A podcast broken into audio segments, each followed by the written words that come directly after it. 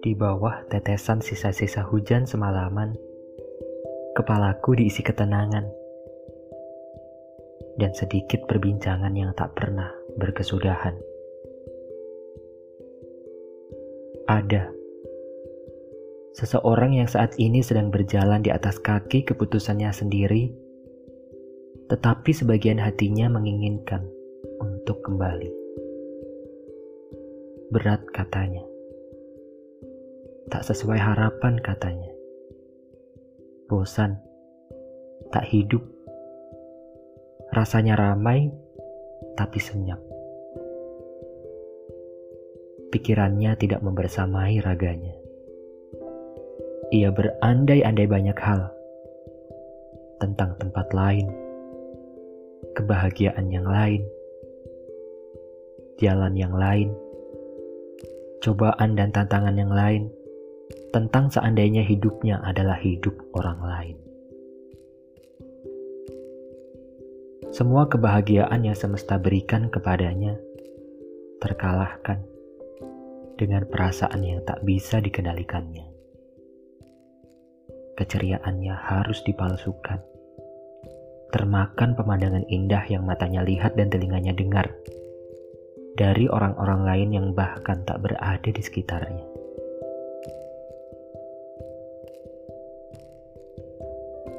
Tapi kini orang itu masih terus berjalan. Mau tak mau. Memutar arah untuk kembali tak menjanjikan apa-apa bukan? Pikirnya.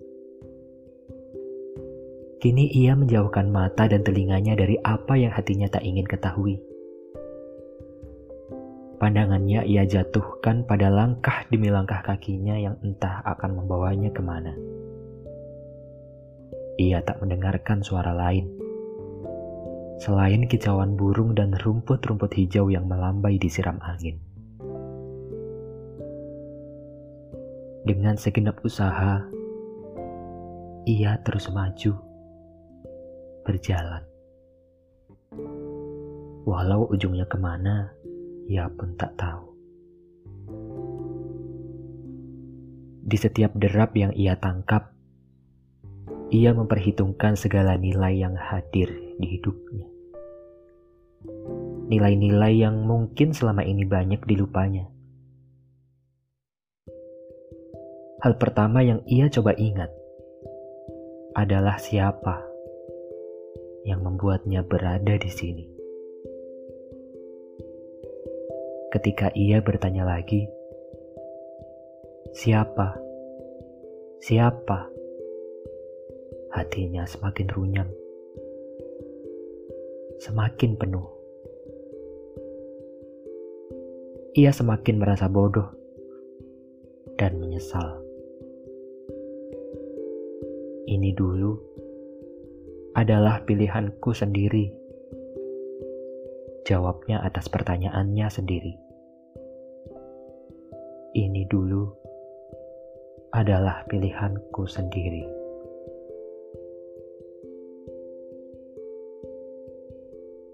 Langkahnya kini mulai basah.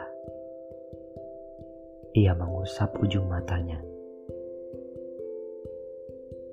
Hatinya yang lugu berbisik pada semesta, meminta untuk mengulang waktu.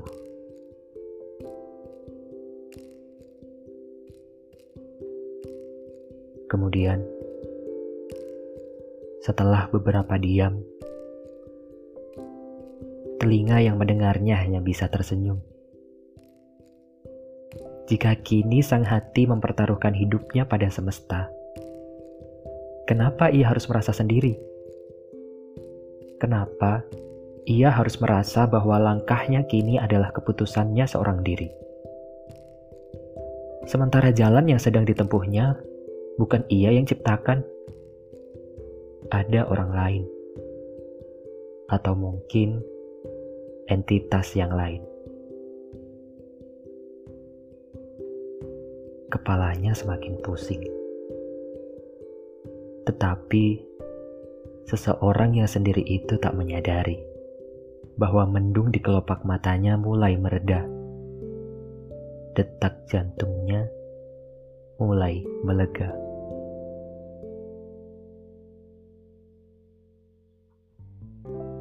Kakinya yang membawa beban tak terhitungkan terus membawanya maju.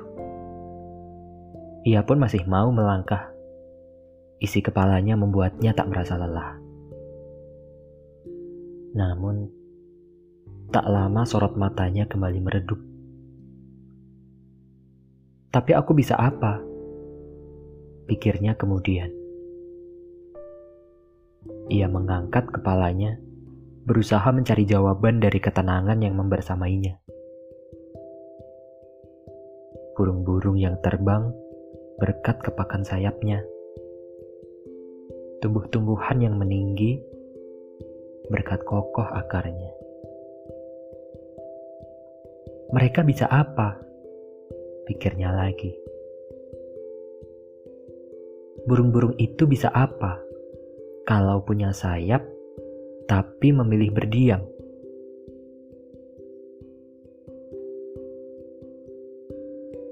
Langkahnya terhenti.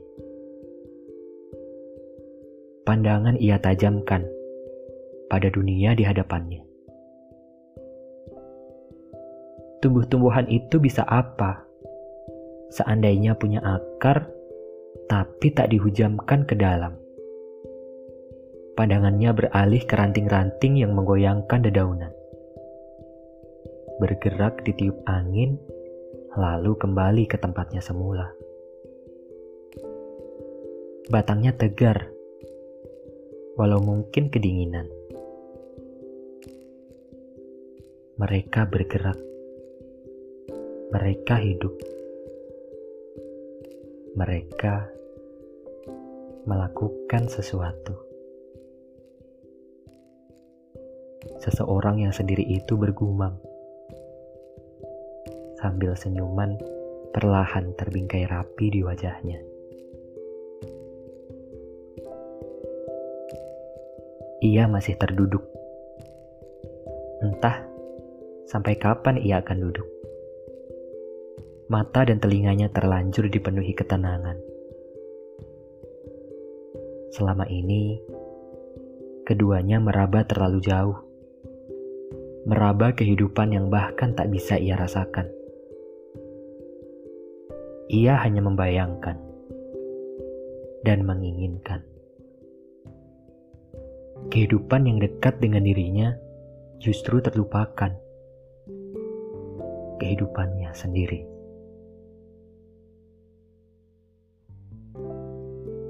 Setelah matahari semakin beranjak dan dunia di hadapannya semakin ramai, ia memutuskan untuk kembali berjalan. Ia, ia sebenarnya masih belum cukup mengerti.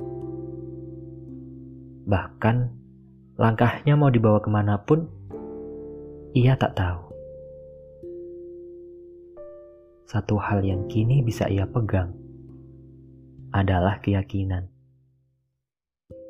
keyakinan bahwa di setiap langkah yang ditempuhnya, ia tak pernah sendiri.